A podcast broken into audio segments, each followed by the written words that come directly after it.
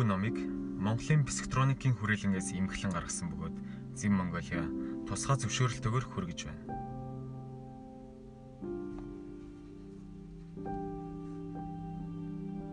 Наймдугаар бүлэг Гераклит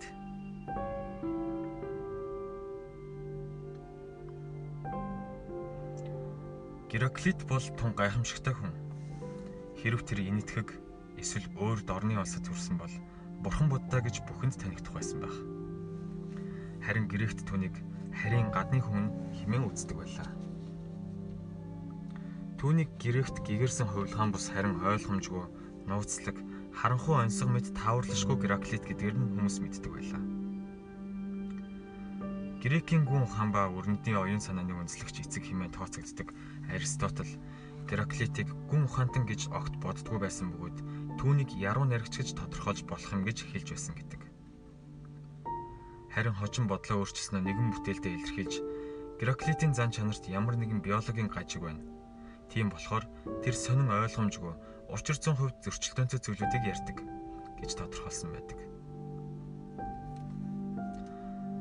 Аристотл тэр үед өрнөдийн оюун ухаан сэтгхүүд зохилох нөлөө үзүүлдэг байсан Гераклитийг баг зэрэг жихтэй галзуу гэмээр сонин итгээд хэмээн тооцдог байсан ч. Хэрэг хүмүүс Гераклитийг хүлээн зөвшөөрсөн бол үрний түүх тис өөрөөр өрнөх байлаа. Даанч бусд нь түүнийг огт ойлгоогүй. Тэрээр айжм айжмаар өрний сэтгэн бодох юм маягаас холдож байлаа. Гераклит шагжаманы будда Лао Цутай их төсдөг Грекийн хөрс шороо түнд идэж шиг боломжийг юу олгоогүй. Харин дорн дахинд тэрээр агуу том модны адилаар хитэн сая хүмүүст буян үлдэж зөв зам зааж өгөх байсан болов уу? Грекчүүдийн хувьд тэрээр ямагт харийн жигтэй бусадтай зохицох чадваргүй сонин итгээдэрэ түүхэнд зорволсон дурддагдаад сүултээ бүр замхарчээ. Гераклитийг төрөх үед яг тэр мөчөд хүн төрлөختөн ховслын оргил цэгтэй хүрсэн байв. Иймэрхүү хувьсэл нийт хүн төрлөختөн хүн нэг бүрт яг адилхан тохиолддог хийгээд энэ үед агуу өөрчлөлтүүд бий болдог. Хүний бие 7 жил тутамд бүрэн шинжлэгддэг. 70 жил наслсан хүний биеийн биофизикийн тогтолцоо нь 10 удаа бүрэн өөрчлөгддөг ажээ. Энэхүү бие өөрчлөгдөх завсрын үед бясалгал хийх нь нэн хэлбэр өгөөж нь ариун. Жишээ нь 14 наснд бэлгийн амьдрал нэн чухал болж ирдэг.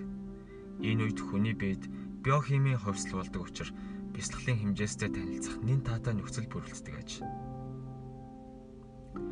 Таны биеийн хуучин эдэс бүхэн устж, шин эдэс бүхэн нөхөн түлжиж энэ үед завсрын үе болдог.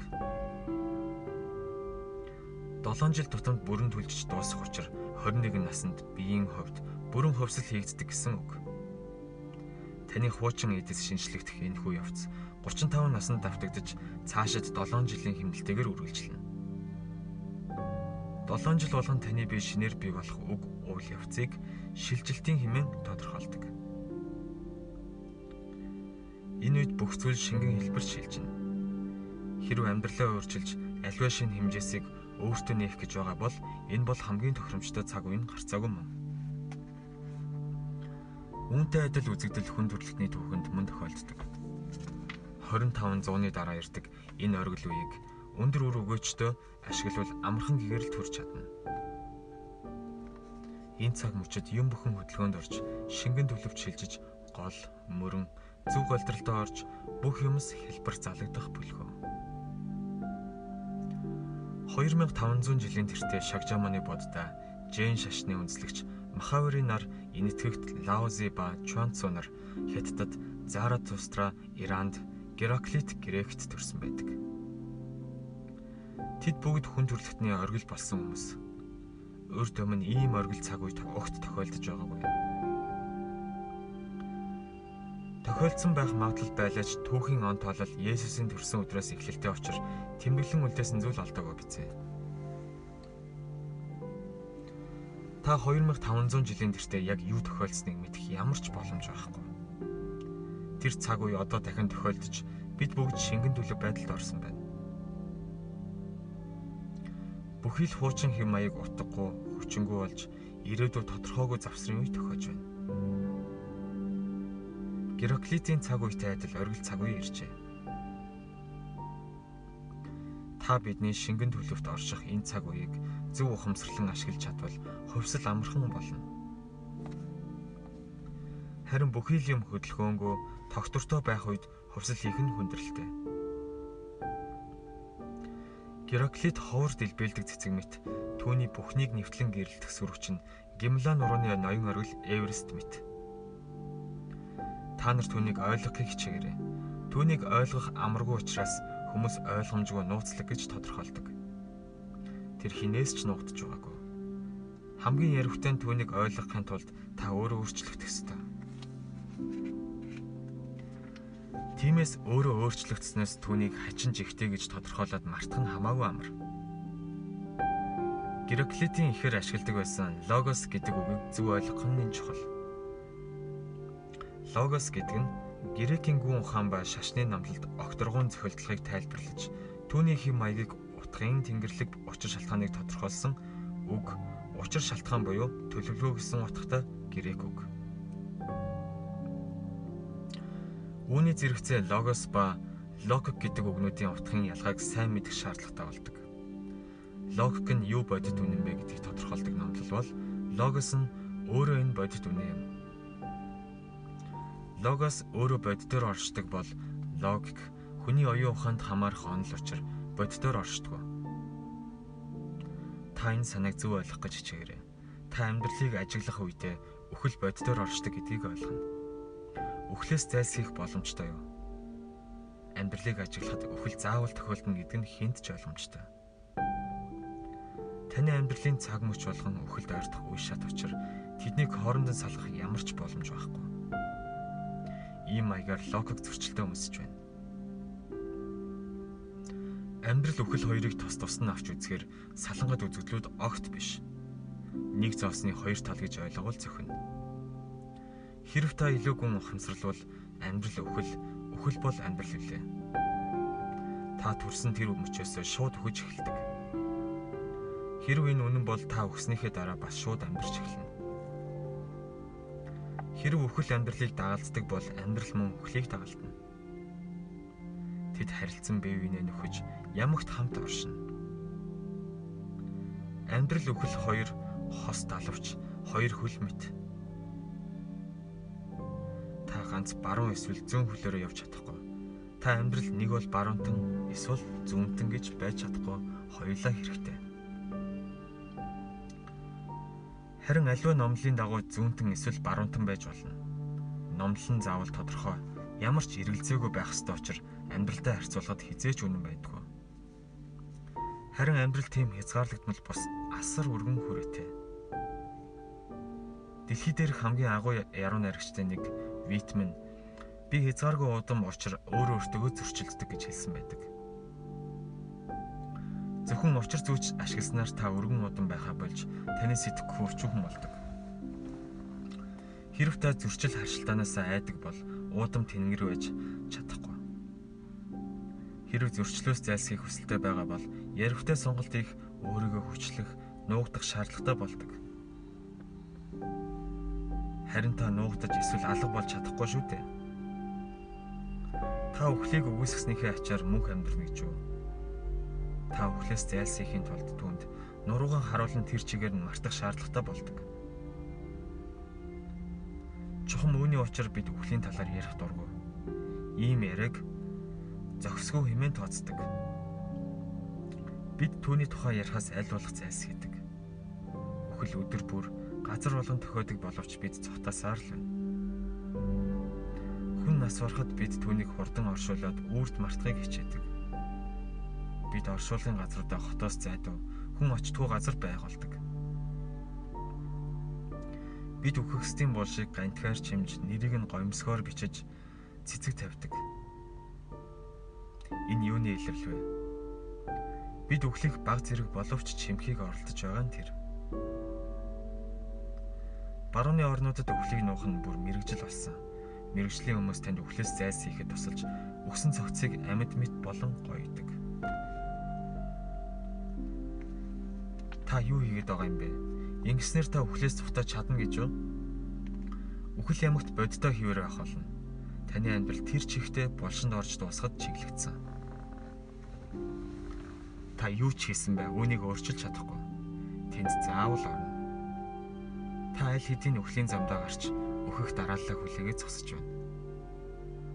Та өхлөөс хаашаа зогтож чадах юм бэ? Харин логик аль болох тодорхой байхыг хичээдэг ба тодорхой байснараа зайлсхийж чаддаг. Тэр бол амьдрал бол амьдрал, харин өхөл бол өхөл учир тусдаа байдаг.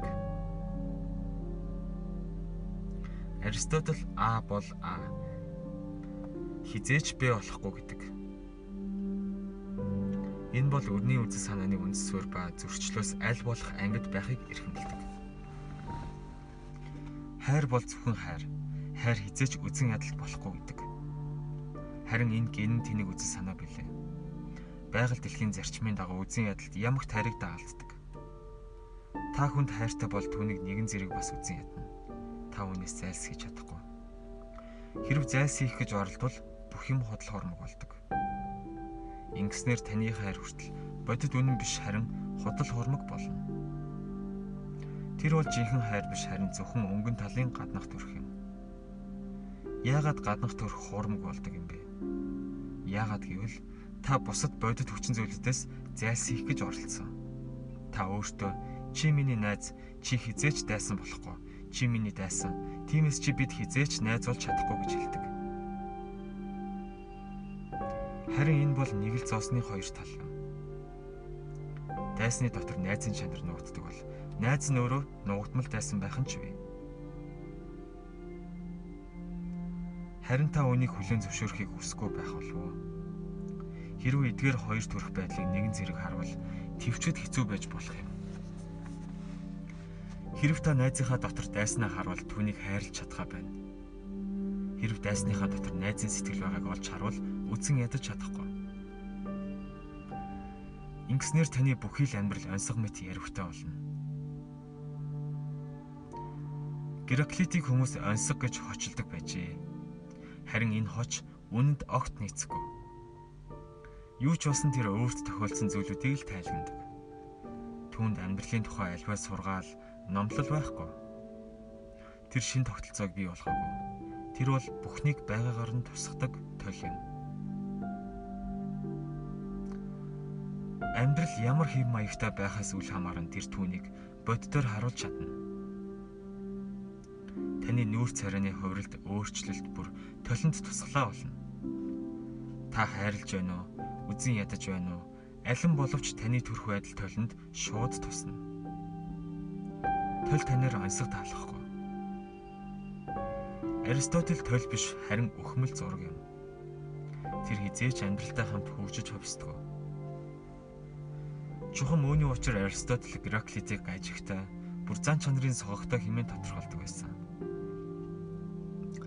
Аристотелийн хувьд хүний оюун ухаан сэтгэхүй тодорхой юм бич урамтай зүү зохистой байх ёстой гэдэг.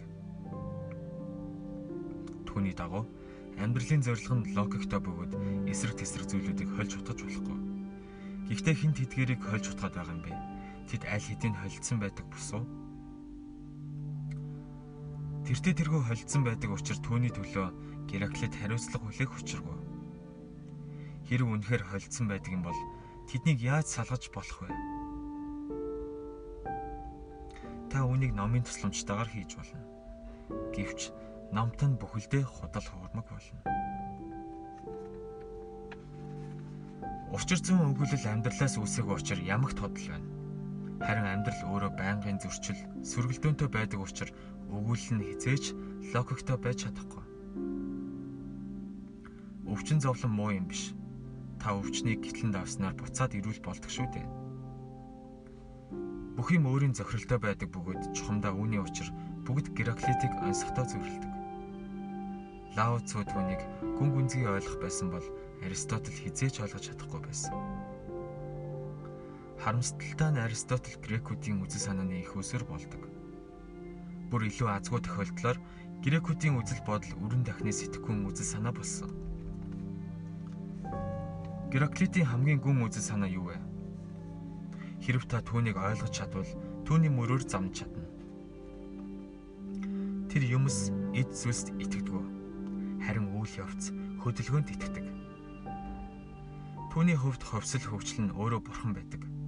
Хэрв та анхааралтай ажиглавал эд юмс хорвоо дээр огт оршдог.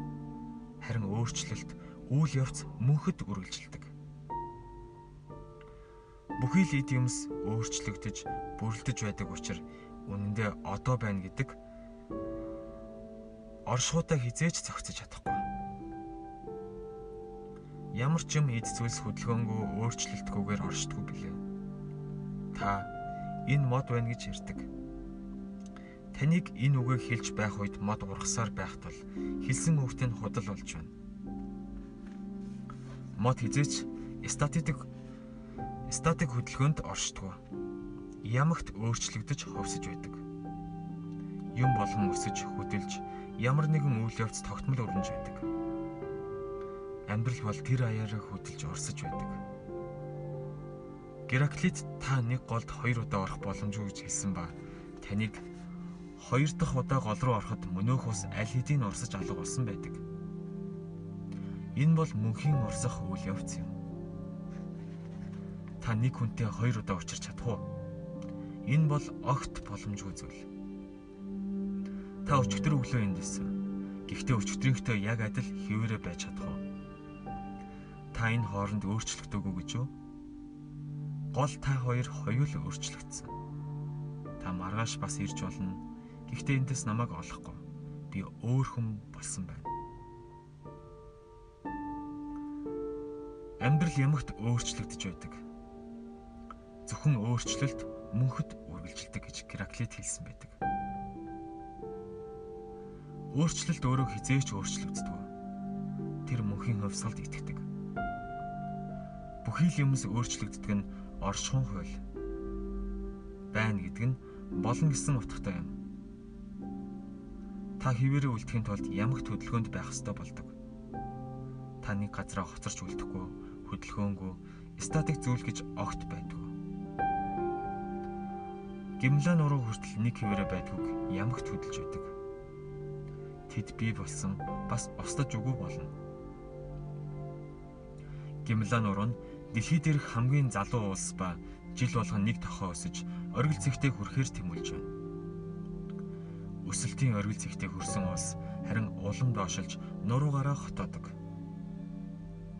Таны эргэн тойронд байгаа хааннуудын эс ширхэг бүр хөдөлгөөнд оршино. Түүний хөдөлгөөн хурдан чиглэлээ үл мэдэгдэн байх тул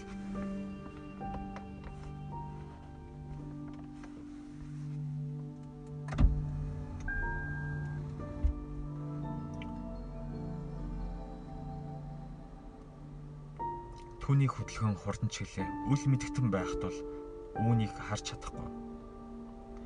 Өнөө үеийн физикчнэр Аристотель бус харин Гераклиттай санаа нийлдэг. Шинжлэх ухаан бодит байдалд ойртож ирэх болон Лао Цзо эсвэл Гераклитийг хүлээн зөвшөөрөх шаардлагатай болдог. Манай физикч эрдэмтэд бүх юм хөдөлгөөнд оршиж байгаа гэдэг. Эдингтон хүмүүсийн хэрэгэлдэг хамгийн худал өгсөн хിവэрэ үлдэх хөдөлгөөнгүй байх гэж хэлсэн байдаг. Ямар ч юм хിവэрэ үлдээгөө ямар ч зүйл өөрчлөгдөхгүй байж чадахгүй. Хിവэр байна гэдэг нь зөвхөн бидний хэл яриа нэгэн нэгэн хэллэг бөгөөд амьдрал дээр огт байдгүй. Гераклитийн хамгийн гүнзгий агуулгатай захиас нь бүх юм хөдөлгөөнтэй орсож байдаг. Юу ч өмнөдөө ижил огтоос өөрчлөгдөхгүй байж чадахгүй юм. Та үнийг үгүйсгэж логиктой зурлах юм бол бодит үнний барилдалгаа гэнэ. Бодит оршихуй өөрчлөгдсөөр байхад та нэгэнт өнгөрсөн юмстай зурлалцсан хിവэр байх юм бол том асуудал бий болно.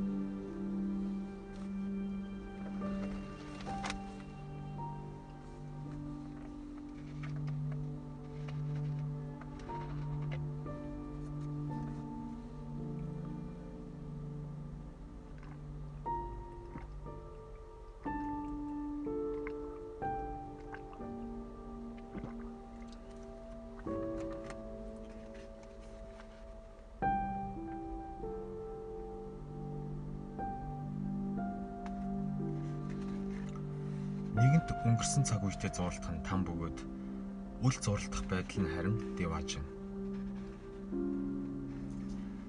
Та сэтгэлийн төлөв байдал зан харин шангаа хүлээн зөвшөөр. Та өөрчлөлтийг хүлээн ав. Танд уурлах, уцаарлах хэрэг огт байхгүй. Амьдрал юмсын мөн чанар ийм хойно таны танд гомдлох утга учиргүй. Та үнтэй тэмцэж чадна. Гэхдээ үнийг өөрчилж чадахгүй. Та өөрөө байнга өөрчлөгдөж байдаг нь цорын ганц бодит үнэн учраас үүнийг мэдхийг үүсгэрэй. Амьдрал ямагт эсрэг тесрэг төлөөдийн хооронд өрнөдөг. Гераклит үнийг нууц, далд зохирол гэж тодорхойлдог.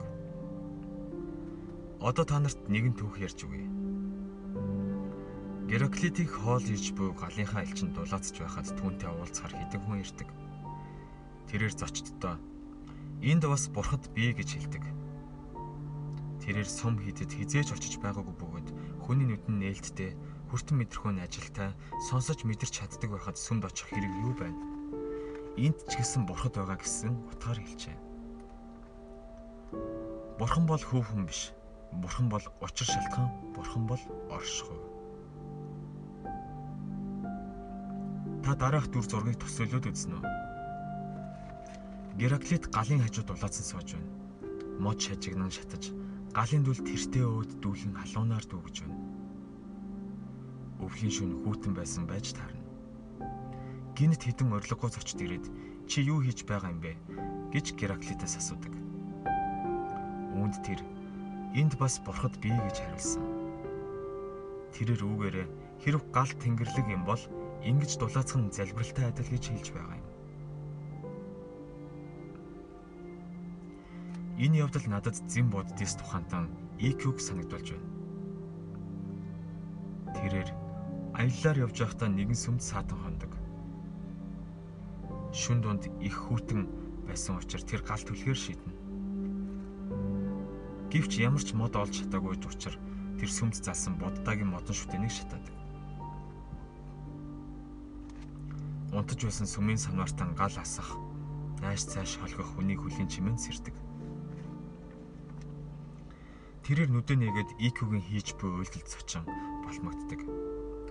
Мөнөх алдартай санвартан орноосоо гот харин босож IQ-гийн дэргэд гүн хүр гүн хүрээд чи юу хийгээд байгаа юм бэ?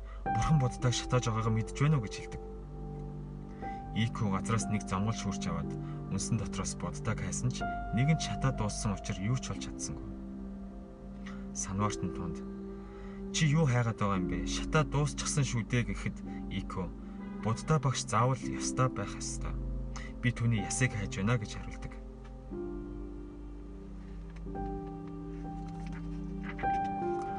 Үүнийг сонссон санвартын нэгэд чи ястаа галзуу амтан байна модоор хийсэн юм ястаа байна гэж юу аах втэ гэдэг. Үүнийг сонссон Ико тэгвэл нөгөө хоёр бурхныг ч гэсэн аваад ир. Шүн дуусах яагачгүй байна. Эд хүүтэнд миний дотор бурхан дулаацдаг. Харин миний дотор яс байгаа. Би жинхэнэ бурхан. Тэр бурхтыг модоор хийсэн юм чин санаа зовоод хэрэггүй гэдэг. Ингээд Икус хүмүүс хөөгдөн. Шүн дундын хүүтэнд ийхүү жинхэнэ бурхан хөөгдөж модон бурхан шүтэгдэжээ. маргааш өглөө санваартан ИК-д юу тохиолдсныг үзэхээр гарна. Харин ИК нэгэн замын тэмдэг болох чулууны урд суугаад залбирчээ. Нар мандсан сайхан өглөө хаанаас юм авчирсан хідэн цэцгээ чулуун дээр тавиад залбирсаар суугаа ИК-гээс мөнөх санваартан ингэж асуув. Чи юу хийгээд байгаа юм бэ? Бүр солиорч гүцээ юу? Өчигдөрхөн бурхныг шатааж байсан мөртлөө одоо чулуунд залбираад байх юм гэж асуудаг. ИК түнд Гераклитийн адил энд бас бурхан бий гэж хариулдаг. Хэрв та хүртэн мэдэрч чадах юм бол юм бүхэн тэнгэрлэг, оршихуу тэр чигээрээ бишрэм ариун.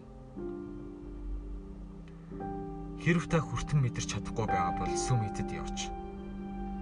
Харин та тэндээс юу ч олохгүй. Яагаад гэвэл таны байгаа нөхцөл байдал орчин тойрон бас харин та өөрөө хувьсан өөрчлөгдөх ёстой. Таны хаана байгаагаас үл хамааран газар сайгүй бурхан байгаа. Харин та өөрөө түүнийг олж харж чадахгүй байгаад бүх учир байгаа юм. Гэрээсээ гарч сүмд очиод бурхныг хайхын оронд дотоод хөвсөлд орно. Бага орчин нөхцөл байдлаа өөрчилснөөр та юунд ч хүрч чадахгүй. Танд сэтгэлийн шинжилт хэрэгтэй.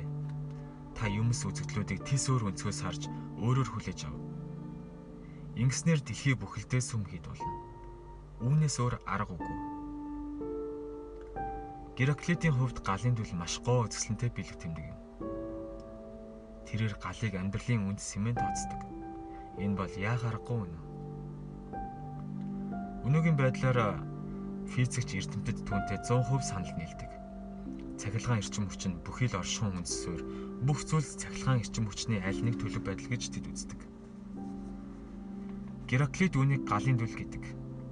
Ялгаа ялгаа нь юунд байна вэ гэхээр гал гэдэг цахилгаан эрчим хүч гэснээс илүү сайхан үг галын дүл бидний 5 метрхүүд цахилгаан эрчим хүчнээс хамаагүй илүү таатай мэдрэмж төрүүлдэг.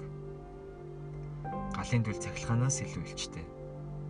Та цахилгаан эрчим хүчийг оршихуун суурь үндэс гэж тодорхойлох юм бол бидний амьдарч буй орчлон ямар нэгэн механизмтай зүйрлэгдэж механиктай механик хэм маягтай болно. Ингэснээр бурхан өөрөө ямар нэгэн инженертэй адилаар төсөөлөгдөнө. Гэвч цахилгаан эрчим хүч нь өөрөө гал юм. Хинду шашинтнууд энэ үндсэн суурь болсон бодисыг прана буюу эрч хүч нэрлэг гэж нэрлэдэг ба харин эрч хүч нь гал байдаг. Хэрв та амьд эрч хүчтэй бол дүрлцэн гал шиг асдаг. Генри Бергсон пранагийн адил үндэс сүрийг Эллен Витл буюу амьдралын эрч хүч гэж орчуулдаг ямар нэгэн байдлаар эрэл хайгуул хийж буй хүмүүс галд төхөж ирдэг ч амтай. Гал бол амьдрал. Заратустрагийн зүв байсан. Тэрээр галыг хамгийн дээд бурхан хэмээн тооцдог байсан. Тэр Гераклиттай үзэл санаагаар нэг байсан. Тэд нэгэн цаг үед амьдарч байсан.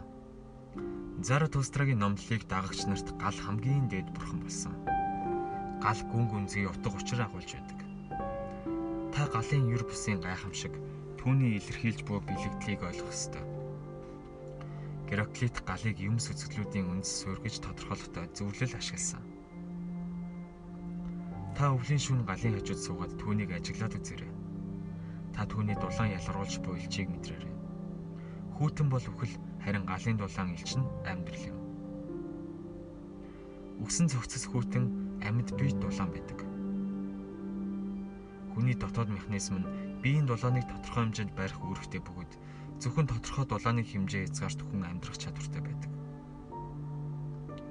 Чухам үүний учир бид халуун дулаан хилэн авалт хөндий хүтэн харьцаа гэж ярьцгаадаг. Хүүтнээ нүхлийг дулаан нь амьдралыг төлөөлдөг учраас бид хизээж хүүтэн хайр гэж хэлдэг. Нар бол бүх дулааны их усүр. Харин цахилгаан эрчим хүч нь гал юм. Орой болоход бүх бүхий л юмс уйтгар гүнхтэй болж бүгд та ажигласан уу? Мод шувууд хүртэл намгүн болж дуу чимээ гаргахаа болдог. Цэцэгс дэлбэгээ хомж дэлхий бүхэлдээ нэрсэн. Харин өглөө наран мандаж амжаагүй байхад шууд аль хэдийн жиргэж дэлхий бүхлээрээ түүнийг угтан мэдчлэх бэлтгэлээ хийдэг. Цэцгэс дахин дэлбэлж амьд бүхэн эргэн сэрж хөдөлгөөнд ортог. Галын дүл нь бас өөр утга бэлэгддэг. Галыг ажиглахад түүний дүл нь ямагт дээшээ чиглэсэн байдаг. Ус мөрөн доошоо урсдаг бол гал ямагт дээшээ тэмүүлдэг ба үүний учир хиндүүчүүд кундалинийн гал гэж хэлдэг. Хэрв та өвсөн мандж байгаа бол ус биш харин гал мэт. Таны дотоод мөн чанар өөрчлөгдөд галын дүл биеэрт нь өдөг үдэг. Ус хүртэл галтай уулзахаараа ууршин дэшээ хөрдөг. Төвдийн нэн эртний сударт багшийг галтай шавийг устдаа зүрсэн байдаг. Шав нь багштайгаа маш татан байрлалтай болохоор гүн хөвсөлд орж ус уур болдгийн адилаар галын чанарыг өөртөө шингээдэг. Галд өртөөгөө ус нь ямагт доош урсдаг. Харин галд өртгөөрөө мөн чанар нь шууд өөрчлөгддөг. 100 хэмээс дээш галтаа орчин шин хэмжээс нээгдэн доошоо урсаж байсан ус уур болон дээш хүрдэг. Галын дүл ямагт дээшээ хүрдэг. Та галтаа бамбарыг доошоо харуулж ирсэн ч мөн ялгаагүй түүний дүл дээштэл тэмүүлэх болно. Гал бол омега цэг буюу хамгийн өндөр оргилд хүрэх хүсэл тэмүүлэл юм. Гераклит зөв бэлэг тэмдэг сонгосон. Түүний номлолд гүн ухаан ба гүн ухааны аливаа тунхаглал байхгүй боловч Грекийн гүн ухааны төвөгчд Гераклитик Талес, Анаксагорос, Анаксименс болон бусад гүн ухаанчдын адил үндсэн элемент санал болгож байна гэж хүлээн авсан. Тэдний дагуу нийт дөрвөн элемент байдаг нь шороо, ус, гал, агаар билээ.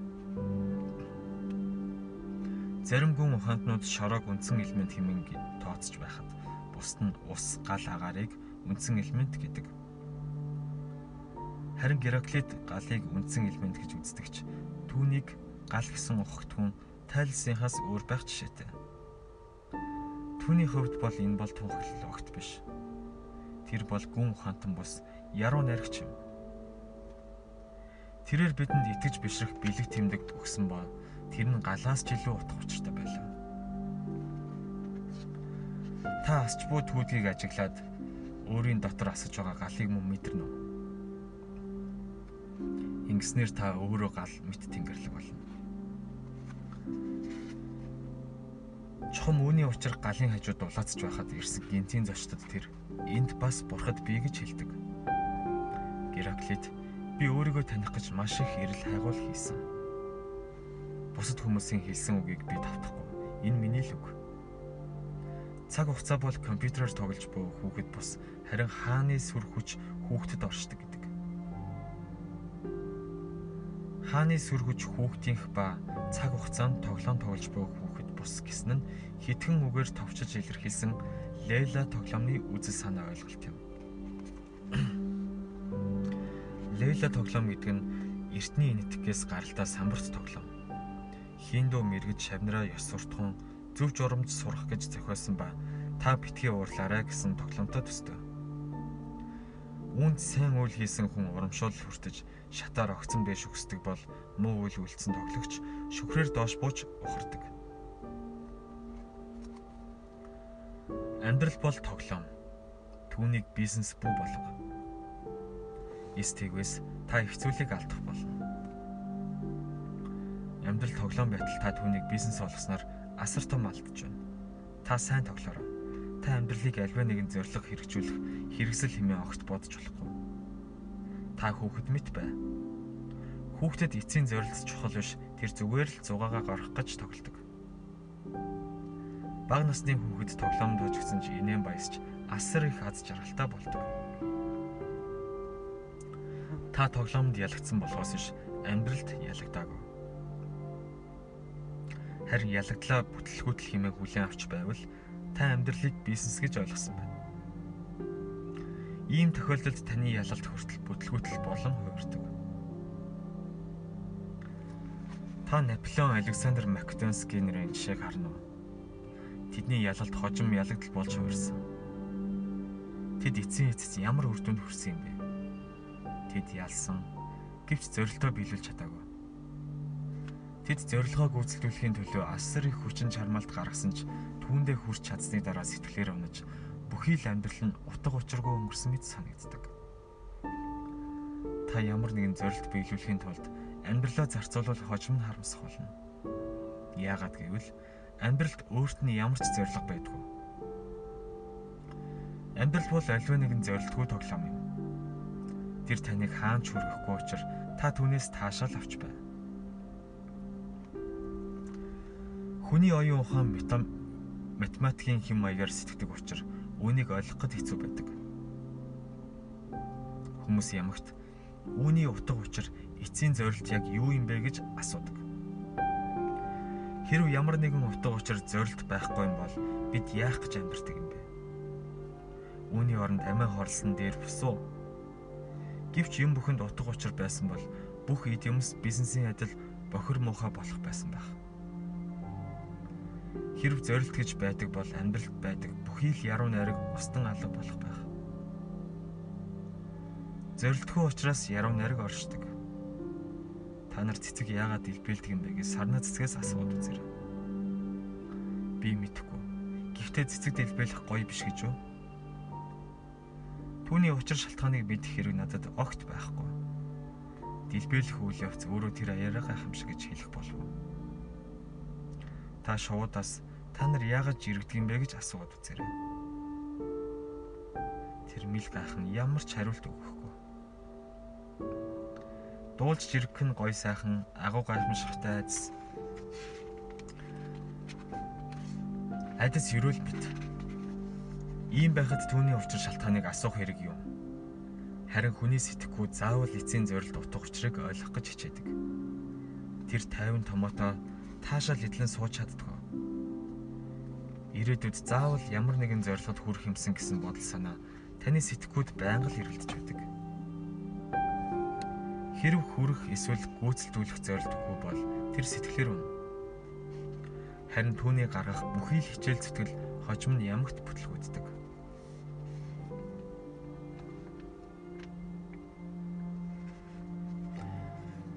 Хэрв та буцаад хөөхд болж чадвал бүх зорилтоо биелүүлсэн тооцож болно. Харин буцаад хөөхд болж чадахгүй бол юунд ч хүрлэхөө бүгдийг гэн. Ухаантан мэрэгд бол дахин төрсэн хөөхт юм. Анх төрсэн хөөхтүүд хизээ нэгэн цагт насанд хүрдэхт бол бодит хөөхтүүд биш. Харин хоёронтоо төрөх нь яах аргагүй жинхэнэ төрөлт юм. Яагаад гэвэл хоёр дахь төрөл дээр хүн өөр өөрийгөө төрүүлдэг. Тэр яагаад гэж асуухгүйгээр юмс үзэгдлийн учир шалтгааныг лавлахгүйгээр амьдралаа хэвийн мэт үргэлжлүүлдэг. Нөхцөл байдал яаж ч эргэж байсан түүнд ямар нэгэн төлөвлөгөө тусгал байхгүй учраас байгаагаар нь хүлээн авдаг. Тэрээр юу ч нэхэж шаарддаг нь амьдрах хамгийн зөв зарчим.